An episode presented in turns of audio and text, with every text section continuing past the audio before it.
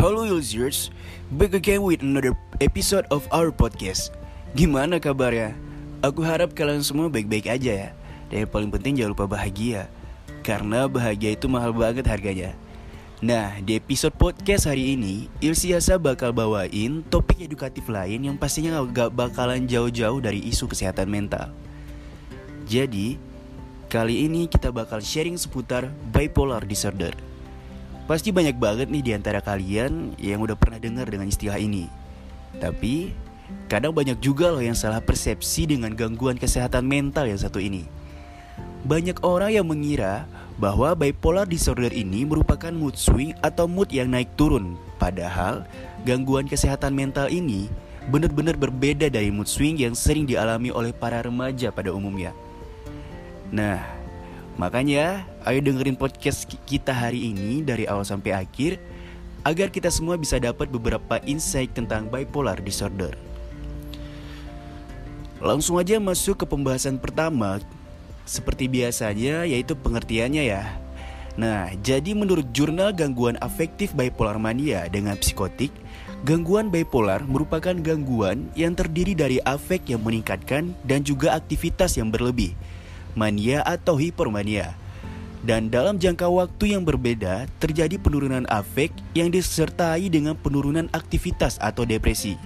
Sementara itu, menurut Barbara De Ingrol dan Sam Goldstar, gangguan jiwa bipolar adalah penyakit gangguan jiwa yang bukan disebabkan tekanan psikologis, melainkan karena terjadinya gangguan keseimbangan pada otak. Nah, Gangguan bipolar itu sendiri pada umumnya ditandai dengan perubahan emosi yang drastis.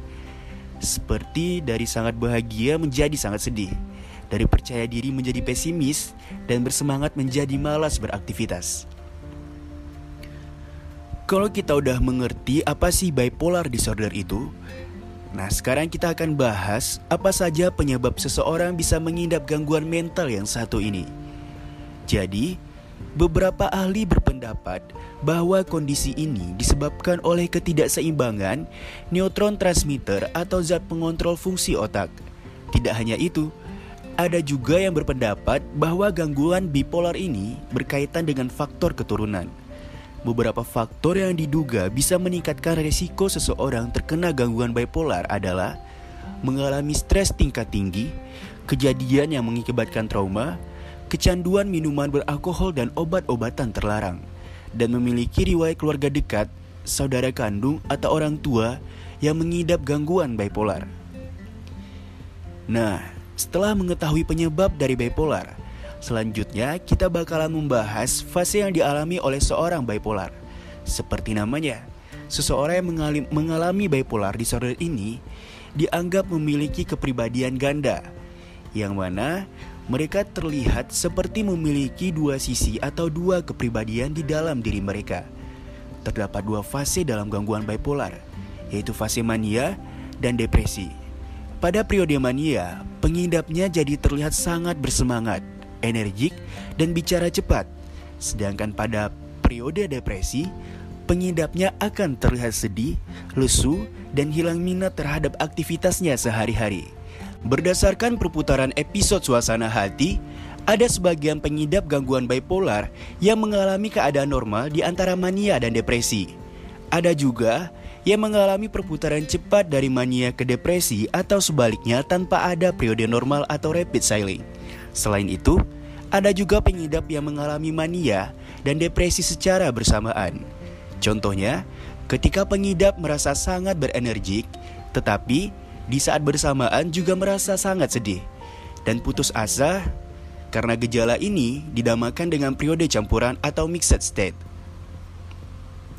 Wah, ternyata setelah mengetahui ciri-ciri atau fase yang dilewati seorang bipolar, it's safe to say that bipolar is much more complicated daripada mood swings. Nah, sekarang kalian semua pasti bertanya-tanya, kenapa sih kok bipolar ini bisa mengganggu kesehatan jiwa kita Padahal kan hanya masalah naik dan turunnya emosi yang drastis. Emang bisa bahaya banget ya? The answer is yes. Episode manik dan bipolar dapat menjadi parah dan berbahaya jika pengidapnya mengalami depresi dalam waktu yang lama. Saat mengalami depresi, terdapat perasaan sedih atau putus asa, serta kehilangan minat atau kesenangan dalam sebagian besar aktivitas. Ketika suasana hati berubah menjadi mania atau hipomania, mungkin merasa kadang gembira dan penuh energi. Perubahan suasana hati ini dapat memengaruhi tidur, energi, aktivitas, penilaian, perilaku, dan kemampuan berpikir jernih. Faktanya, orang dengan gangguan bipolar lebih berpotensi menjadi ancaman bagi diri mereka sendiri daripada lingkungannya. Ancaman tersebut dapat berupa bunuh diri atau percobaan bunuh diri. Tingkat bunuh diri secara signifikan lebih tinggi di antara orang dengan gangguan bipolar. Orang dengan gangguan bipolar juga berisiko lebih tinggi melakukan penyalahgunaan obat-obatan terlarang atau alkohol. Ini dikarenakan ketika memasuki episode manik atau depresi, mereka menggunakan obat-obatan atau alkohol guna mendapatkan ketenangan. Pengidap bipolar juga sering kali melakukan self-harm untuk meredakan ketegangan emosinya. Self-harm ini biasanya dapat berbentuk seperti cutting atau mengiris pergelangan tangannya sendiri, menjambak-jambak rambutnya, menggigit kuku dan bibir hingga berdarah, membenturkan kepalanya ke dinding, atau bahkan hal yang paling ekstrim seperti membakar telapak tangan. Meskipun kebanyakan dari mereka cenderung lebih memilih untuk menyakiti diri sendiri, tapi nyatanya ada beberapa kasus pengidap bipolar menyakiti orang lain. Hal ini dikarenakan pengidap bipolar lebih sulit untuk mengendalikan emosi mereka ketika sedang marah. Setelah mengetahui bahaya dan fatality dari bipolar disorder, Tentunya kita semua bisa belajar kalau bipolar itu adalah gangguan kesehatan mental yang tidak bisa diremehkan dan wajib untuk mendapatkan pengobatan yang layak dari seorang profesional. Tujuan dari pengobatan gangguan bipolar adalah untuk menurunkan frekuensi terjadinya fase-fase mania, depresi, agar pengidapnya bisa memiliki mental yang sehat dan tidak membahayakan orang terdekat mereka. Selain memperbaiki pola hidup, penanganannya bisa mencakup pemberian obat-obatan yang dikombinasikan dengan terapi psikologis. Nah, kalau kalian ingin tahu lebih lanjut kayak gimana sih kelakuan seseorang yang mengidap bipolar disorder, Isi Hasa punya beberapa list rekomendasi film yang bisa kalian tonton yang menyusung bipolar sebagai tema atau konflik utama mereka. Beberapa judul filmnya yaitu seperti Silver Linings Playbook, Touch with Fire, Infinitely Polar Bear, dan Michael Clayton.